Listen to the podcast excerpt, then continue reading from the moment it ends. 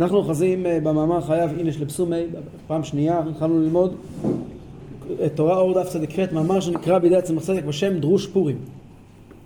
אה, דיברנו פעם שעברה, אה, שאלנו את השאלות הבסיסיות, למה שמחת פורים כל כך גדולה, יותר משמחת כל הרגלים, ואז עברנו לדבר קצת על המושג של מתן תורה. אמרנו על זה שקבלת התורה. שקבלת התורה האמיתית הייתה בפורים, כמו שהגמרא אומרת במסכת שבת, דף פ"ח. וגם, יותר מזה, בעל התניא אומר, בגמרא כתוב על הפסוק קיימו וקיבלו היהודים, בעל התניא אומר את אותו הרעיון על הפסוק וקיבל היהודים, נכון? כן. שואל, מה זה בעצם, מה זה בעצם מתן תורה? מה בעצם הקדוש ברוך הוא נתן לנו במתן תורה? מה המשמעות של קבלת התורה? וזו שאלה גדולה מאוד, ואנחנו נבין את העומק שלה רק כשאנחנו נהיה עמוק בתוך העניין. לא שאלתי למה, שאלתי מה הוא עשה. אה. ו... והשאלה שהובילה אותנו הייתה שאלה, מה הפירוש שכשמגיעים לגן עדן יש שם קול שאומר, אשרי מי שבא לכאן ותלמודו בידו. למה מגיעים לגן עדן, שמקום של תורה, בגן עדן לומדים תורה, מה עושים בגן עדן? בגן עדן לומדים תורה. מה צריכים להגיע עם תלמודו בידו גשמי מהעולם הזה? הרי ההבנה שלנו בעולם הזה היא חלקית, היא לא לגמרי, היא לא עמוקה עד הסוף. בגן עדן אנחנו לומדים את התורה ברמות הרבה יותר עליונות, אבל למה התורה של העולם הזה היא תנאי, מפתח לתורה למעלה? מילא מעשה המצוות, מצוות אין בגן עדן.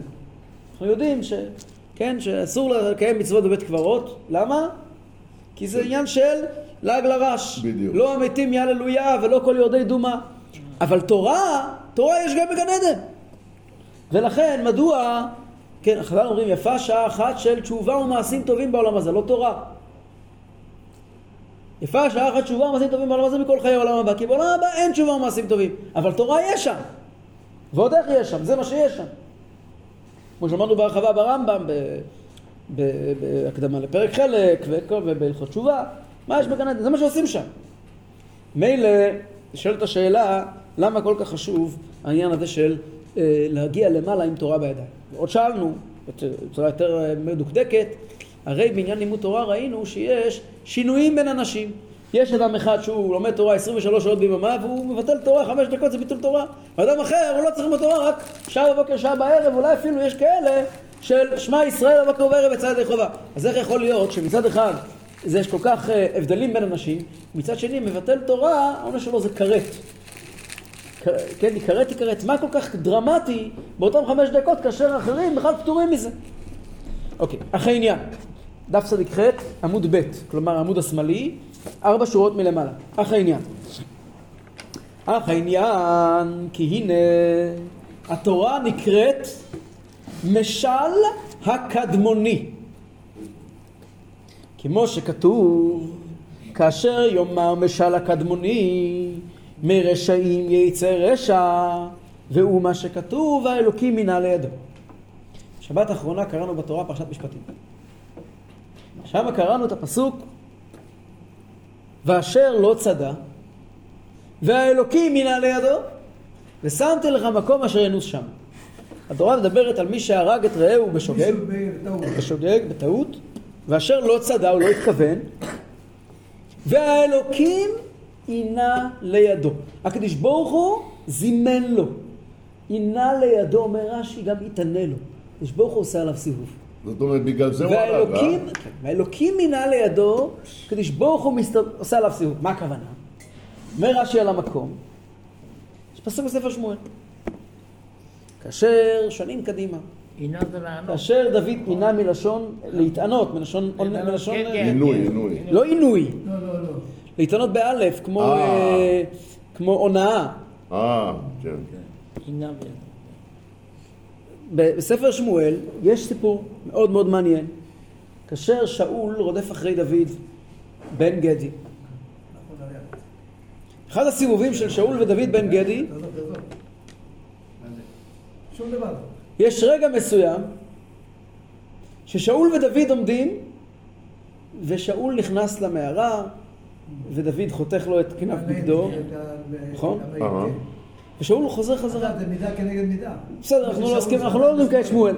בוא נתמקד בעניין שלנו. ושאול יוצא מהמערה עם בגד חתוך והוא לא שם לב. הוא חוזר חזרה למחנה. ודוד יוצא מהמערה, אפשר לדמיין לעצמנו, עין גדי, מכירים את האזור? מערות בגובה ההר, הוא רואה אותו מלמטה וזה מדבר וקולות נשמעים, הוא מתחיל לדבר אליו נאום שלם. הוא אומר לו, תראה, יכולתי להרוג אותך, ולא הרגתי אותך. על מי יצא מלך ישראל? על פרעה אחד, כך אומר שם. ואז הוא אומר לו, כאשר יאמר משל, אני יכולתי להרוג אותך, אבל אני לא רוצה. אני לא רוצה להרוג את משיח השם. כאשר יאמר משל הקדמוני, מרשעים יצא רשע. בספר שנקרא משל הקדמוני, כתוב שמר... שרשע יוצא רק מרשעים. מה זה משל הקדמוני? מה זה משל הקדמוני? איפה הספר הזה נמצא? כאשר יאמר משל הקדמוני מרשעים יצא רשע וידי לא תהיה בך. אומר לו בעצם מי שיהרוג אותך יהיה רשע, כן? לא אני, יהרגו אותך בסוף. אבל זה לא יהיה אני, כן? מרשעים יצא רשע. מאיפה זה כתוב? אומרים חז"ל, זה הפסוק הזה, הפרשה שלנו, והאלוקים מנהל לידו. כלומר, משל הקדמוני זה התורה, שנקראת משל לקדמונו של עולם.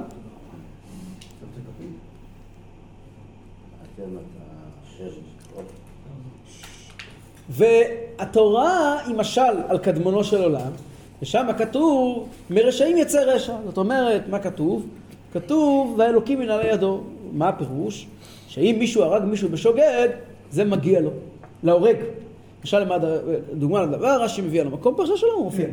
שבן אדם הרג מישהו ולא היה אף אחד שראה את זה, אחר כך הקדוש ברוך הוא רוצה להיפרע ממנו, מה הוא עושה? אז הוא מטפס על... על, על, על אחד הוא חייב מיתה, ואחד הרג, כל אחד הרג בצורה לא נכונה, כן? אז, אז ההוא שחייב מיתה נהרג בטעות. ההוא מטפס על סולם ונופל עליו, כן, וההוא כן. שנפל חייב גלות. כן. רשעים יצא רשע. כן? אז מה אומר דוד לשאול? בתורה כתוב ככה וככה. ואיך הוא קורא לתורה? משל הקדמוני. למה התורה נקראת משל? כבר נבין? וכן שלמה המלך עליו השלום אמר להבין משל ומליצה, דברי חכמים וחידותם. ספר משלי פותח בעניין הזה של להבין משל ומליצה. מה זה להבין משל ומליצה? זה הולך על התורה. להבין את התורה שנקראת משל ומליצה. למה זה נקרא משל? פה נמצא המפתח למה שהתחלנו ללמוד שבוע שעבר. בגלל שיש 70 פנים. לא, לא, לא, לא, מה נראה? והעניין, והעניין, כי פירוש הקדמוני, כעת אנחנו מתחילים להמריא, חבר'ה, תחזיקו, תתקו חגורות. כי פירוש הקדמוני, משל הקדמוני. מה זה הקדמוני? היינו קדמונו של עולם. למה הקדוש ברוך הוא מכונה קדמונו של עולם? כי הוא ראשון. הוא ראשון. אז תגיד ראשונו של עולם. מה זה קדמונו של עולם? אני ראשון ואני אחרון, מה זה קדמונו של עולם? אין לאף אחד... הוא לא, לא רק ראשון, הוא קדום. ראשון פירושו התחלה. כן. קדום פירושו לפני ההתחלה. כשמסבירים את זה על פי חסידות, מה הפירוש לפני ההתחלה? שהוא אור אינסוף ברוך הוא עצמו. אני כבר אסביר. כי מבחינת סובב כל העלמין וממלא כל העלמין, זהו מה שנמשך ממנו יתברך, הערה להיות חיות לעולמות. ואם כן, בחינה זו היא שייך לעולמות. כי גם בחינת סובב כל העלמין הוא בחינה ששייך לעולמות, שהוא מה שמחיה את העולמות, רק שהוא בחינת אור מקיף. הוא ממלא כל העלמין, אני כבר אסביר את הכל. הוא בחינת אור פנימי.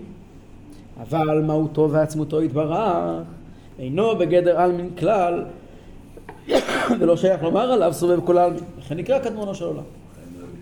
אומר בעל התניא ככה, אנחנו מכירים מפתח אליהו שהקדוש ברוך הוא מכונה אנט הוא ממלא כל העלמין וסובב כל העלמין. יש לנו ממלא כל העלמין, ממלא את כל העולם, סובב כל העולם, וכעת אנחנו מכירים דבר חדש, קדמונו של עולם. שלוש דרגות. יש דרגה שנקראת ממלא כל העולמות, כבר אסביר אותה. יש דרגה אחרת שנקראת סובב כל העלמין, סיבת הסיבות, עילת העילות. ממלא כל העלמין, סיבת הסיבות, סובב כל העלמין. ויש דבר שלישי, שנקרא לא ממלא כל העלמין ולא סובב כל העלמין, אלא קדמון כל העלמין. Mm. מה זה אומר? אנחנו יודעים, אנחנו יודעים שהקדוש ברוך הוא מנהיג את העולם באופן כללי שני דרכים להסתכל על הנהגת הקדוש ברוך הוא את העולם. דרך המקובלת והרגילה, שאפילו גויים יכולים לראות, נקראת ממה לכל העלמין. מה זה ממה לכל העלמין? מה לכל העלמין זה שהכל נהיה בדברו. כל דבר בעולם יש בו גילוי השם. כל דבר ודבר בעולם, הקדוש ברוך הוא מתגלה בכל פרט. זר מפרנס לכל, מקרני ראמים ועד ביצי קינים, כן? לבני עורב אשר יקראו. הקדוש ברוך הוא מנהל את העולם פרט אחרי פרט. אדם יכול לעמוד ולראות איך שהקדוש ברוך הוא מנהל כל עניין בעולם באופן מלא ומושלם. יש מדרש מפורסם ש... יש מדרש מפורסם שמדבר על זה שהיה יהודי אחד, היה כהן, במדרש, נראה לי במדרש רבי תזריע, שהיה, לא היה לו פרנסה. רצה לנסוע לחוץ לארץ, להתפרנס, כמו פעם. אז אשתו, הוא אמר לה, מה, מה תפרנסי בינתיים עד שאני אשלח לך כסף? זאת אומרת, אתם פה משפחה של כהנים, ילדים, אז יבואו, אנחנו, אני מומחה הכי גדול שיש, לראות נגעים. צרה. Mm. אז אני אלמד את, אותך, את הילדים, אני אלמד אתכם את הלכות נגעים. אנשים יבואו ואתם תגידו להם מה ההלכה, והילד יגיד טמא וטהור, יקבלו כסף על העבודה הזאת, עד שאני אגיע. ועד השיעור הראשון שהם באו ללמוד, הוא אומר להם, תדעו לכם שכל שערה ושערה בגוף האדם, יש לה מעיין משלה. ואם תהיה מתוך מעיין אחד שני שערות, האדם לא יכול להחזיק מעמד. סיים לומר את המשפט הזה הראשון בהלכות נגעים, אז אשתו אומרת לו, ישמעו אוזניך מה שפיך מדבר. לכל שערה ושערה יש מעיין משלה.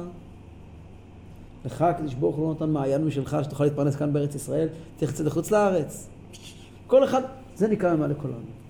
ממה לכל העמים פירושו, קדוש ברוך הוא נותן לכל דבר ודבר יחס מיוחד.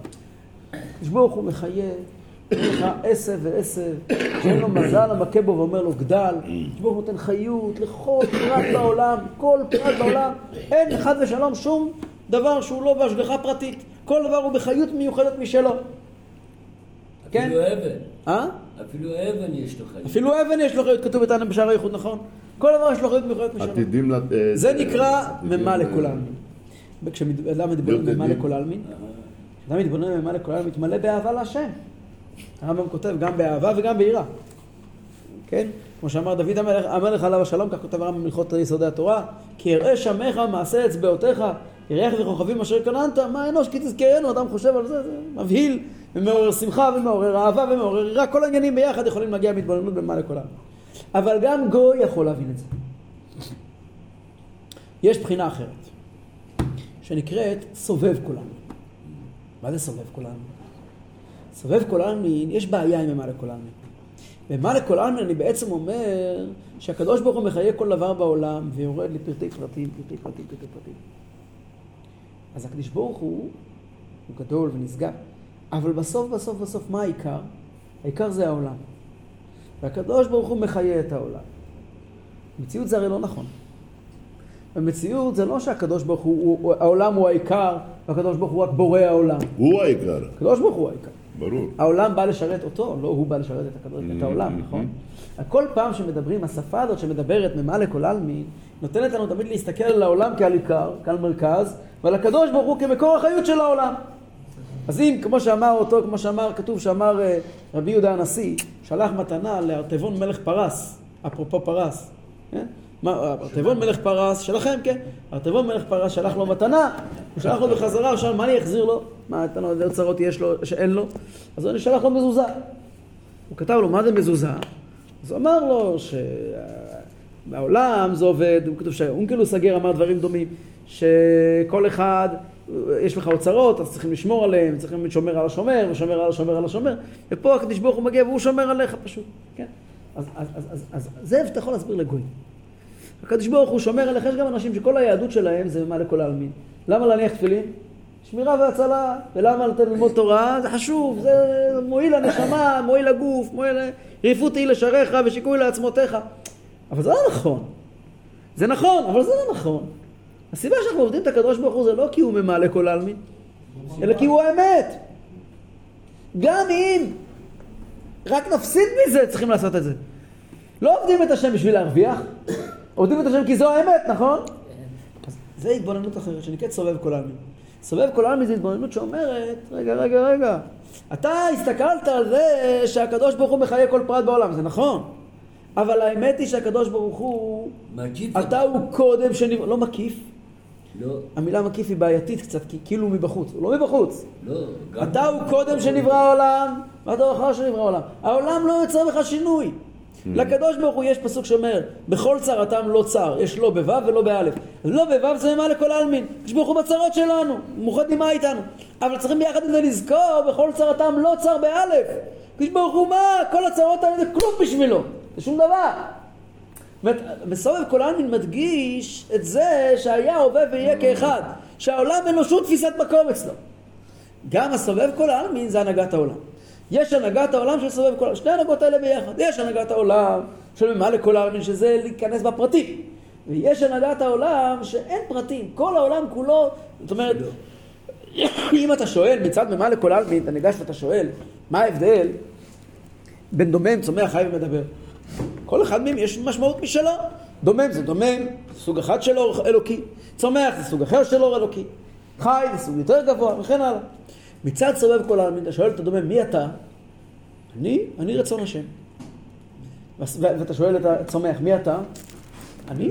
רצון השם. אתה שואל את ה... כל דבר בעולם רצון השם. אז מה ההבדל? אין הבדל באמת. אין באמת הבדל.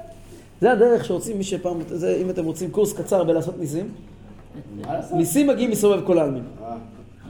מה זה ניסים? הפך ים ליבשה. וממה לכל העלמין? ים זה ים, ויבשה זה יבשה, ולים יש טענות. הוא אומר למשה רבינו, אני לא רוצה להיקרא, אני כן רוצה להיקרא, משה רבינו מתווכח איתו, זה הכל ממה לכל העלמין. סובב כל העלמין מגיע ואומר, למה יש ים? איש ברוך הוא אמר, כי הוא אמר ויהיה יוציאו ויעמוד. למה יש יבשה? כי הוא אמר ויהיה יוציאו ויעמוד, אז יאללה, עכשיו הפוך. הוא אמר ויהיה יוציאו ויעמוד. מצד סובב כל העלמין,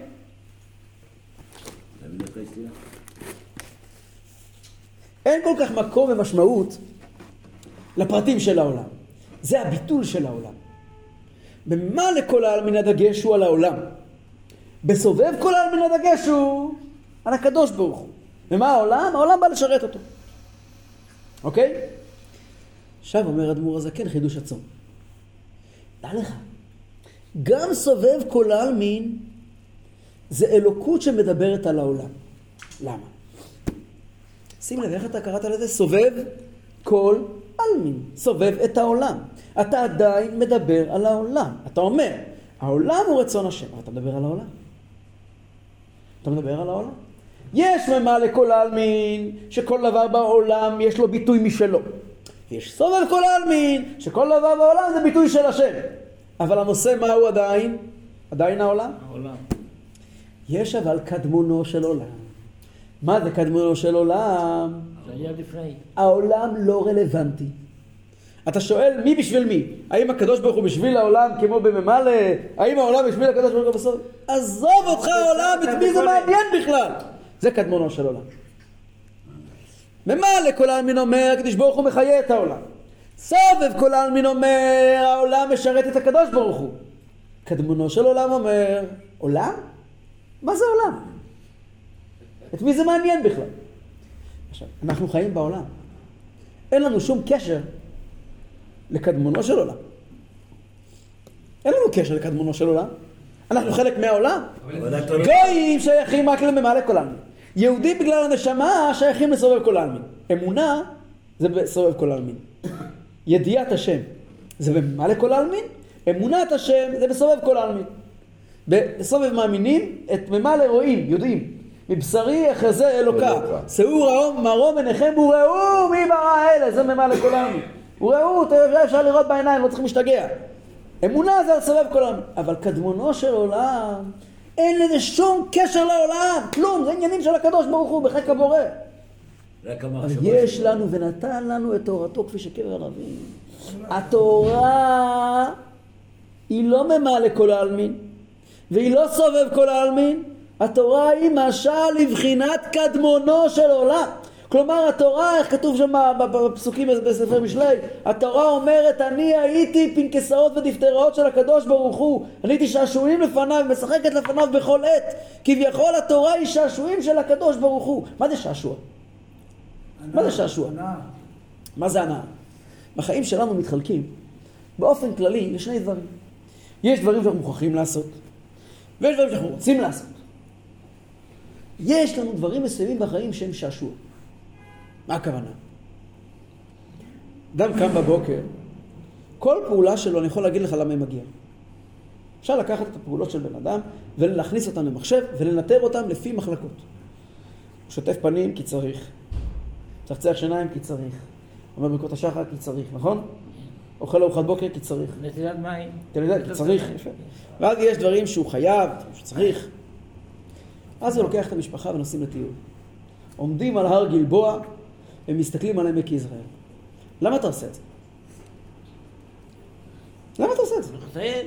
הולך לטייל, מה, מה, מה, מה? מה זה נותן?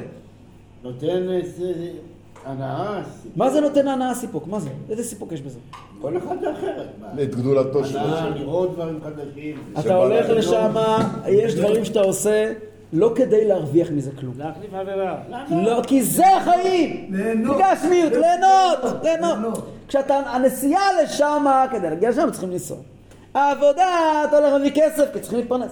אבל כשאתה עומד שם בהר הגלבוע, או ב- אני יודע מה, ב- במורדות הכרמל, ומסתכל על הים, ווטאבר, אתה כעת חווה את החיים בעצמם, זה לא בשביל, זה לא כדי, נכון? יש דברים שאני עושה בשביל, יש דברים שזה הדבר בעצמו. הדברים שהם הדבר בעצמו הם שעשוע. זה הנפש בעצמה משתעשעת. כן? כשאנחנו אומרים שעשועים לפניו, התורה נקראת שעשועים לפניו, כך כתוב באמת, שעשועים לפני הקדוש, מה פירוש? הקדוש ברוך הוא והתורה, זה לא. הפירוש שהתורה היא הדרך של הקדוש ברוך הוא לעשות משהו, לא. אחד. שעשועים לפניו, זה אחד איתו, זה אחד איתו, שעשועים לפניו. כלומר, הקדוש ברוך הוא מגיע ואומר, התורה זה המקום שלי. קדמונו של עולם, לא קשור לעולם, לא קשור. איך כתוב בתניא פרק ה', אף אם לא היה ולא יהיה הדבר הזה לעולם לבוא למשפט הלטנות ותביעות אלו מכל מקום, כיוון שכך עליו ברצונו יתברך שהם יטעון זה כך וזה כך, יהיה הפסק הרי הלכה הזו ב- ב- ב- בגמרא, משנה, בפוסקים, זה רצון השם. זה בכלל לא רלוונטי האם אי פעם מה שכתוב בתורה יקרה. האם אי פעם יבוא מישהו וייתן כזו טענה ויענו לו כזו טענה? לא, לא קשור. זה הקדוש ברוך הוא שם את עצמו שם, בתורה. זה הוא לא קשור לעולם, לא קשור אלינו. זה הפירוש, בואו נראה. והתורה שנקראת משל הקדמוני, היינו שהתורה היא משל לבחינת קדמונו של עולם. למה משל? קדמונו של עולם הבנתי מה זה, מה זה משל? שכמו שעל ידי המשל יושג הנמשל, כך על ידי שתלמודו בידו, יזכה לגילוי מבחינת זיו ואור מאינסוף ברוך הוא, מה שלמעלה מבחינת סובב כל העלמין מלא כל העלמין, ואינו בגדר עלמין כלל. כבר נתחיל להבין את זה. אבל ככותרת, יודעים, מגיע לעולם הבא, אומרים, אשרי מי שבא לכאן, ותלמודו בידו. למה? פה בגן עדן, כדי לקבל את ציר השכינה. כבר ניכנס לעניינים בעומק, ולזכות לגילוי קדמונו של עולם. צריך שיהיה לך איזושהי... אתה צריך שיהיה לך. משל על קדמונו של עולם. אה. כבר נבין את העניין. מה זה משל? כמו שמשל גשמי, תכליתו לתת לי עניין ערך רוחני כלשהו, ערך גבוה כלשהו, בדרכים גשמיות יותר, ככה קדמונו של עולם, זה מתן תורה, נתן לנו משהו ביד, שבאמצעותו אנחנו יכולים לדבוק בקדמון עצמו. בגן עדן מה עושים? דבקות. אז זה על ידי התורה, בואו נראה, למה צריכים את התורה של העולם הזה דווקא? בואו נראה עוד רגע, זה שלב אחרי שלב. כי הנה, בהשגת התורה יש ריבוי מדרגות. אין קץ בעילוי אחר עילוי. כמו מהות ההשגות שבגן עדן התחתון, אינן ארוך למהות ההשגה שמשיגים בגן עדן העליון. ולכן ההשגות שבגן עדן התחתון לגבי השגה שבגן עדן עליון, הוא רק כמו ערך המשל לגבי הנמשל. ועל דרך זה, יש מדרגות אין קץ, וגם למעלה מגן עדן העליון. וכמו שכתוב, וקדושים בכל יום יללוך הסלע. כמו שכתוב בליקוטי הש"ס לאריזה, למאמר הדעת צדיקים אין להם מנוחה, לא בעולם הזה ולא בעולם הבא, שנאמר ילכו אל חיל, וכל השגה לגבי מה שמעלה ממנה נקרא משל, אני כבר אס- אסביר, זהו שנאמר בשמו- בשלמה, וידבר שלושת אלפים משל. פירוש, על כל דבר מדברי תורה. דהיינו שהדבר הזה מושג בגן עדן התחתון כך, ובגן עדן העליון דבר זה עצמו הוא בעניין רוחני ונעלה יותר, עד שבחינה ראשונה הוא רק כמו משל לבחינת, לבד לבחינה זו, והשיג כך שלושת אלפים מדרגות הכל דבר בדברי תורה. ובאמת, נאמר יללוך הסלע בלי קץ, וזהו ולתבונתו מספר, אני אעצר כאן ומסביר. לא, אנחנו. יודעים, לא כולם נכנסים לגן עדן, נכון? כולם נכנסים לגן עדן. כל היהודים. כולם נכנסים לגן עדן. אבל אתה עובר... הרשעים נכנסים לגיהנום. אתה עובר תורנות קודם. דיברנו על זה בשיעורים ברמב"ם, בהלכות תשובה שלמדנו לפני כן. ודאי, כולם נכנסים לגן עדן. כולם, כולם, כולם. גם רשעים. כתוב שמשפט רשעים בגיהנום 12 חודש. הכי הרבה זה 12 חודש בגיהנום, אחרי זה כולם לגן עדן. ומי שלא למד פה בארץ, מה יעשה בגיהנום? נדבר על זה בהמשך. מה יעשה בגיהנום? מה יעשה בגן עדן? אבל מי שנכנס לגיהנום, איפה תלמודו בידו? אחרי זה, כשנגיע לגן עדן, נדבר על זה. כן. אבל בגן עדן הוא נאנס, נכון? בגיהנום. כן. כן. אה, אוקיי. בואו נבין את העניינים. כן.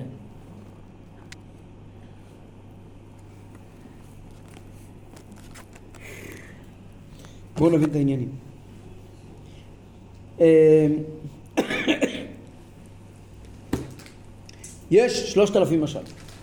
מה זה שלושת אלפים משל? כתוב על- שלמה המלך שהוא דיבר שלושת אלפים משל, הוא היה כל כך חכם, אמר שלושת אלפים משלים. שואלת השאלה, נו, כמובן, קרילוב אמר יותר. אה? שלושת אלפים. שלושת אלפים, חכם גדול, הדובנר מגיד אמר עוד יותר.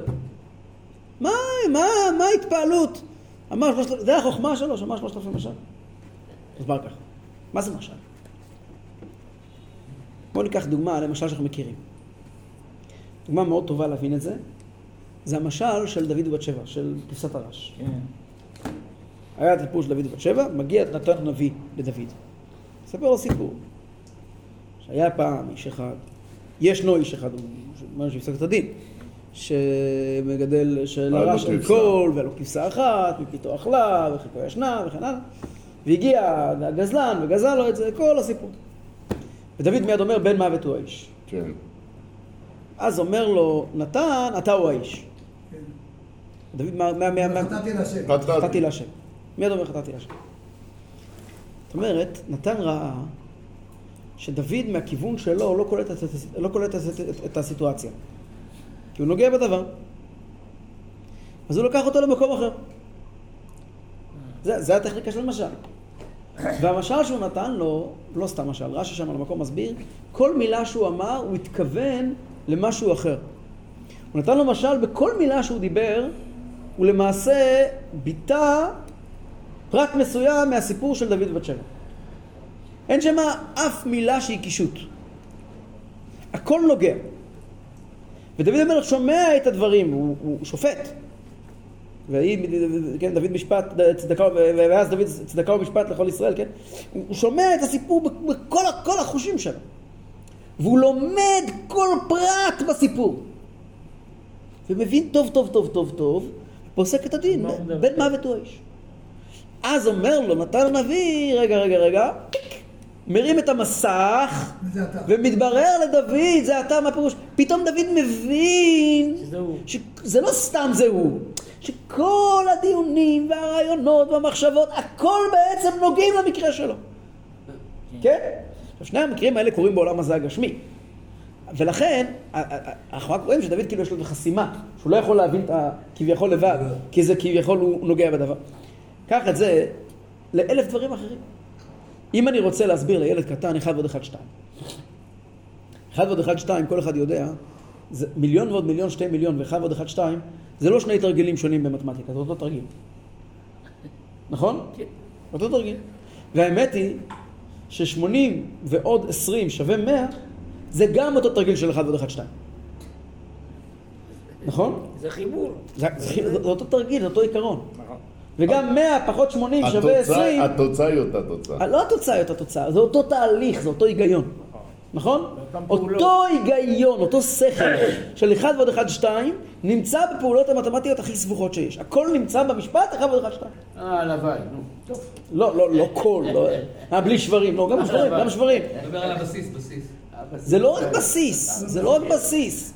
אם אתה מבין לעומק את 1 ועוד 1, 2, אתה מבין את, את מרבית הפעולות החשבוניות. גם בתכנון, 1, 0. יותר מזה, A פלוס B שווה C, שזה לא רק במתמטיקה, זה הבסיס של 1 ועוד 1, 2. עכשיו, אני רוצה ללמד את הילד שלי את העניין הזה. יש לי בעיה. הילד שלי, מהיותו ילד קטן, לא שייך לחשיבה מופשטת. לא, 1 ועוד 1, 2 זה שכל מאוד מופשט. זאת חשיבה מאוד מופשטת. לקחת אחד, מה זה אחד? מספר, ספרה, מה זה אחד? זה מופשט. ועוד אחד שווה שתיים. אז אני לוקח אותו לתהליך, אני מביא לו אה, אה, אה, סוכריה. אני אומר לך סוכריה אחת, עוד סוכריה, סוכריה שנייה. סוכריה ועוד סוכריה, יש שני סוכריות. את המשפט הזה הוא לומד ומבין אותו. כן? הוא עדיין לא מתקרב להבין אחד ועוד אחד שתיים. ואז אני מראה לו שזה לא רק בסוכריות, העיקרון הזה זהה גם ללגו. אחר כך אני מצליח להתחיל ללמד אותו שהעיקרון הזה גם זהה בין סוכריה ללגו. שני דברים, אז כבר חשיבה מופשטת. בסוף, האחד ועוד אחד שתיים הזה שהוא לומד, ומיליון ועוד מיליון שווה שתי מיליון, זה לא שני שכלים. זה אותו השכל, רק בצורה יותר טהורה. כן? אתם מבינים מה אני אומר? כן, כן. שלמה המלך מגיע ואומר ככה, אתה קורא בתורה, המחליף פרה בחמו, או השור שנגח את הפרה, שניים אוחזים בטלית. יש פה סוגיה, שניים אוחזים בטלית. זה אומר אני מצטיה וזה אומר מצטיה. זה דברים שאתה יכול להבין. כל אחד יכול להבין את זה. כמו שכתוב בתניא, התורה התלבשה בדברים תחתונים גשמיים. אתה יכול להבין את זה. טלית, שני אנשים, רבים, מתווכחים, אתה יכול להיכנס טוב טוב לכל הסברות, אתה יכול להתווכח טוב טוב ולהבין טוב את רש"י וטוב את תוספות ואת כל המהלך היטב היטב היטב היטב היטב היטב. אחרי שאתה מבין את המהלך היטב הדק, יש לך בראש מבנה. מבנה שלם. מבנה שלם שבנית באמצעות הבנת הסוגיה של שניים אוחזים בטלית. אז אומר שלמה המלך, זה משל. בוא נגלה לך, נסיר את, את, את, את הפרגוד, ובוא נגלה את הנמשל. ופתאום אתה רואה שאותם סברות, אותם רעיונות, אותה חוכמה שהייתה במובן הגשמי? מתגלית בדרגה עליונה יותר.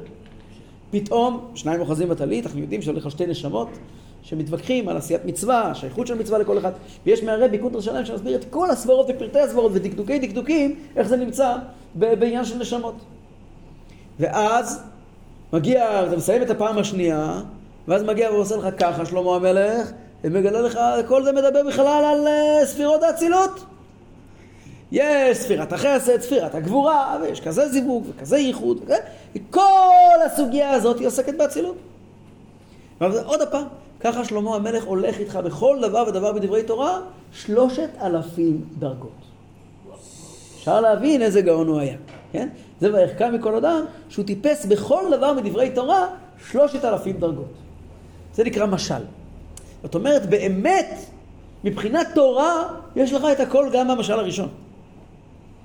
השאלה כעת, כמה אתה מתקרב למקום? אבל, כמו שכתוב בתניא, אין, אין הפרש, מי שמחבק את המלך, אין הפרש במעלת התקרבותו ודבקותו במלך בין מחבקו כשהוא לבוש לבוש אחד ובין, ובין כשהוא לבוש כמה לבושים, מאחר שגוף המלך בתוכם. כלומר, בסוף הסבורס האלה, שאתה אמרת על שניים אוחזים בטלית, או על המקדש במיל ואינה מקודשת שלמדתם עכשיו בקידושין, או על כל מיני סוגיות שאתם לומדים, הכל סוגיה וסוגיה שלומדים, והאסכולה שבזה, וההבנה שבזה, וההיגיון שבזה, והעומק שבזה, זה מבנה. אתה מגיע לגן עדן, כבר נראה עם המבנה הזה, אתה מגיע עם מבנה קיים. ואז בגן עדן מתחילים ללמוד את התורה מחדש, אבל איזה תורה? התורה שאתה למדת. אשרי מי שבא לכאן ותלמודו בידו. את התורה שאתה למדת, אתה לומד כעת באופן חדש.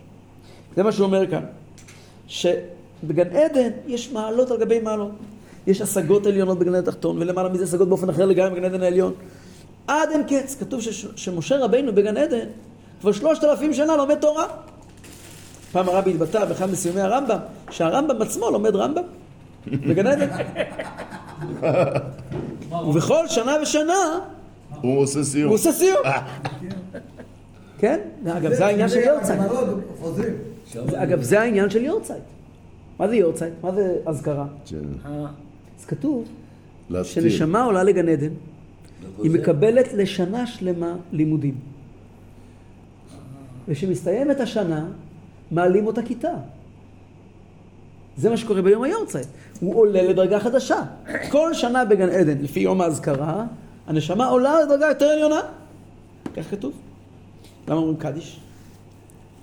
כי כשמעלים את הנשמה לדרגה חדשה, אז המעשים הלא טובים שהיא עשתה בעולם הזה, מפריעים שוב פעם. Mm. כאילו אומרים לה, תראי, ביחס, הגעת לגן עדן, התקבל, לא התקבלת, לקח כמה חודשים עד שהתקבלת. עברת שם איזה גיהנום, לנקות אותך, נכון? ואז הגעת את ברמת נקיות מוחלטת עבור גן עדן הראשון. הסתיימה השנה, רוצים לראות אותך כיתה, עכשיו בשביל דרגה כזאת המעשים ההם, גם אחרי הניקיון הם לא מתאימים, צריך לנקות אותך מחדש. זה תלוי בנו. ולכן צריכים לומר קדיש, זה מסייע לנשמה, ביום היורצייט נשמה יורדת לגיהנום לכמה שעות וחוזרת חזרה לגן עדן. אולי כדאי להגיד כל יום קדיש על אלה שלא... שאין מי שיגיד עליהם קדיש. יש כאלה שזה התפקיד שלהם, להגיד קדיש על מתי עולם, נכון.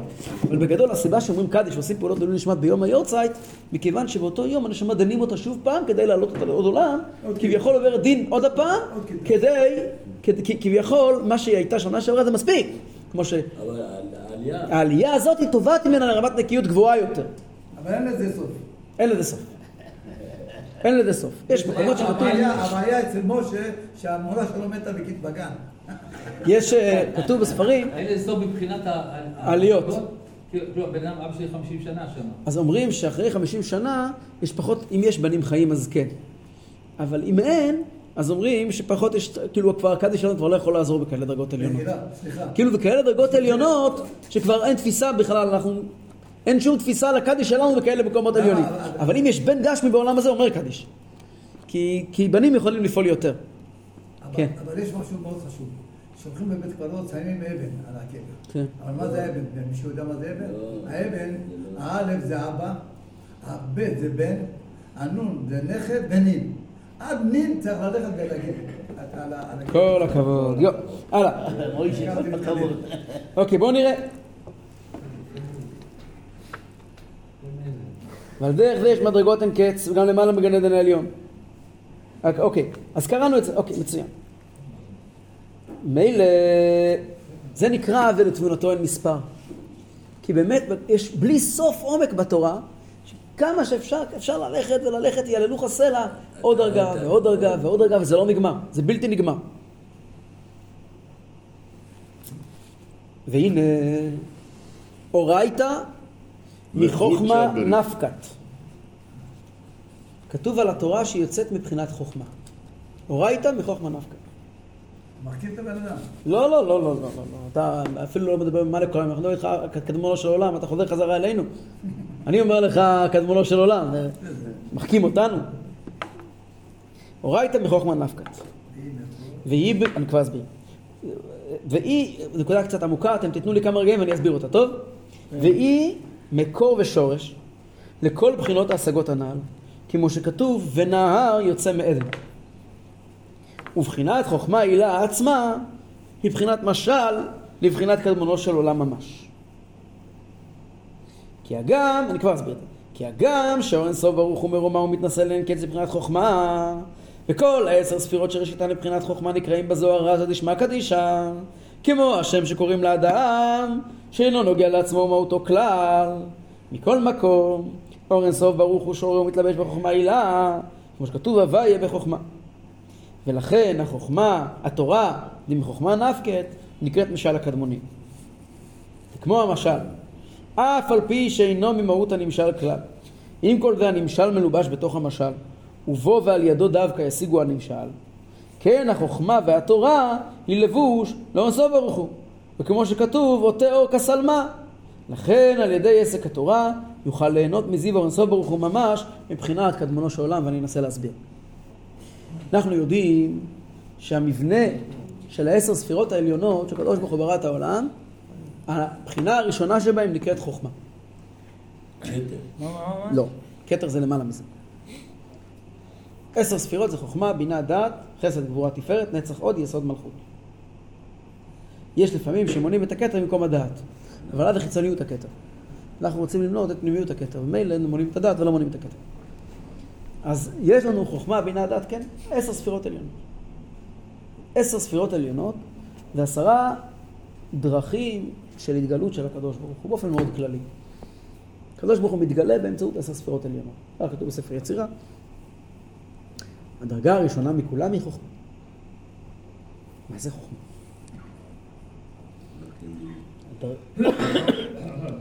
משל לחוכמה, כוח להבין- מה? כוח מה? מה זה כוח מה? נכון, מה זה כוח מה? דוגמה לחוכמה זה, אם ניתן משל גשמי מאוד, חוכמה זה כמו אנטנה. אנטנה. זה הנקודה, אנטנה שקולטת. כמו אנטנה. יש לי מבנה. בינה זה הפיתוח, פיתוח. פיתוח. הבינה בונה. החוכמה, הבינה זה לא מבין? תובנה? תובנה זה לבנות. לקחת לא. משהו ולבנות התובנה זה ממנו. גם כשאתה מבין, אתה קולט. לא. בינה זה אחרי הקליטה. אני אתן, עוד רגע, אני אתן. דוגמאות לזה. כן. הבינה זה כבר האישיות שלי. באדם התחתון, הרי אדם נברא כמו הקדוש ברוך הוא. כן, נעשה אדם בצלמנו כדמותנו. גם אצלנו יש חוכמה ובינה. בינה זה האדם, המבנה, האישיות. חוכמה זה נקודת החיבור של, של האדם אל, המעל, אל, אל המעליו. כביכול מין אנטנה כזאת שקולטת אה, אה, את המרחב, קולטת דברים שמעליה, ואז מפענחת אותם ובונה אותם, זה כבר בינה. אבל חוכמה זה, כתוב, החכם עיניו בראשו. חכמה זה לראות. אתה רואה, לא כל דבר שאתה רואה אתה מבין. להבין, אני כבר בונה תיאוריות, אני כבר מבין. לפני שאתה מבין, יש מה ראית. יש הלכה שאומרת, אין עד נעשה דיין. אם אדם ראה משהו, הוא לא יכול להיות דיין. לא בכל דבר. יש דברים שכן עד נעשה דיין. כמו היום, עורך דין למשל לא יכול להעיד. לא קשור. אין עד נעשה דיין, עד לא יכול להיות דיין בדיני נפשות למשל. למה? כי התורה ציוותה אותנו שהדין יעבור באמצעות השכל. מי שראה, השכל כבר לא ישחק אצלו תפקיד. ראיתי. אין מקום לדיונים זה שכליים. לא מספיק אחד, צריך שתיים. זה עוד עניין. התורה ציוותה אותנו שהדין יעבור דרך שכל. למה? כי ככה התורה רצתה, ככה הקדוש ברוך הוא רצה. לא משנה כעת למה. מי שראה, זה כל כך ברור, שזה לא, זה בכלל לא עובר דרך מסננת של שכל. כן? אני ראיתי במו עיניי פעולה מסוימת, שאלתי איך זה הגיוני. לא יודע איך זה הגיוני, אבל אני ראיתי. ראיתי, מה אתה רוצה? את ראייה זה בעצם היחשפות של האדם אל המופלא. אל מה שמעבר אליו. אנטנה כזאת. כשאדם מחובר, הנשמה, הנפש האלוקית, מחוברת לקדוש ברוך הוא, קולטת משהו שהוא מעליה, ואז היא מאבדת אותו, בעיבוד יש כבר פרשנות. זה כבר, כל אחד רואה, אבל כל אחד מפרש את זה אחרת. זה כבר בינה. זאת אומרת, כתוב בתניא פרק ל"ה בהגעה, שחוכמה זה הנקודה שהאדם מחובר לא איתו, אלא עם הקדוש ברוך הוא, כן? מבחינת ביטול. חוכמה זה ביטול. כמו שאדם לומד דף גמרא או מאמר חסידות, קוראים כמה שורות, ואז מכניסים את זה לתוך הראש, והם מתחילים לאבד את זה. העיבוד הוא כבר בינה, אבל לקרוא מה כתוב בספר, זה חוכמה. השלב הראשון. אז גם באלוקות שהקדוש ברוך הוא ברא את העולם, השלב הראשון נקרא חוכמה, פירושו, הקדוש ברוך הוא אמר, אני כעת מתחיל מבנה שנקרא עולם. והוא שמע כל מיני חלקים, יש בינה, ויש דת, ויש תפארת, ויש נצח, יש כל מיני סוגים ופרטים שמייצרים את המבנה הזה שנקרא עולם. אבל נקודת הראשית, זה החוכמה פירושו, אותה נקודה שמבינה, לא מבינה, שנחשפת לאין עוד מלבדו, לזה שאין עולם. לאותה, לקדמונו של עולם. החוכמה היא לא קדמונו של עולם. חוכמה היא הנקודה שבה יכול להתגלות, שבשורה הוא מתגלה אחד האמת, מתגלה קדמונו של עולם. כל דרגה אחרת יש לה אישיות. אתה מגיע לבינה, יש לה מה לומר. אתה מגיע לדעת, יש לו מה לומר. חסד, ודאי שיש לו מה לומר. גבורה, ודאי שיש לו מה לומר.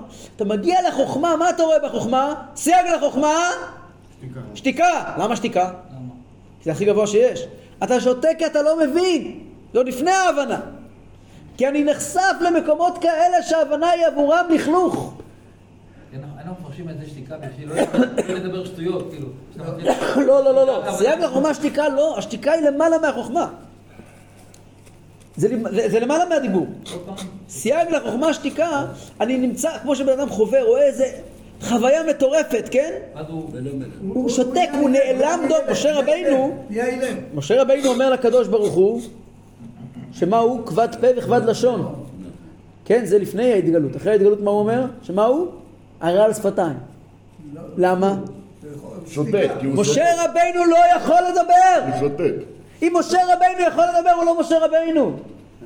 משה רבינו מוסר לנו את הקדוש ברוך הוא. איך הוא יכול לדבר? לדבר, פרשנות, זה מקצוע לפוליטיקאים. לא למי שמעביר את התורה.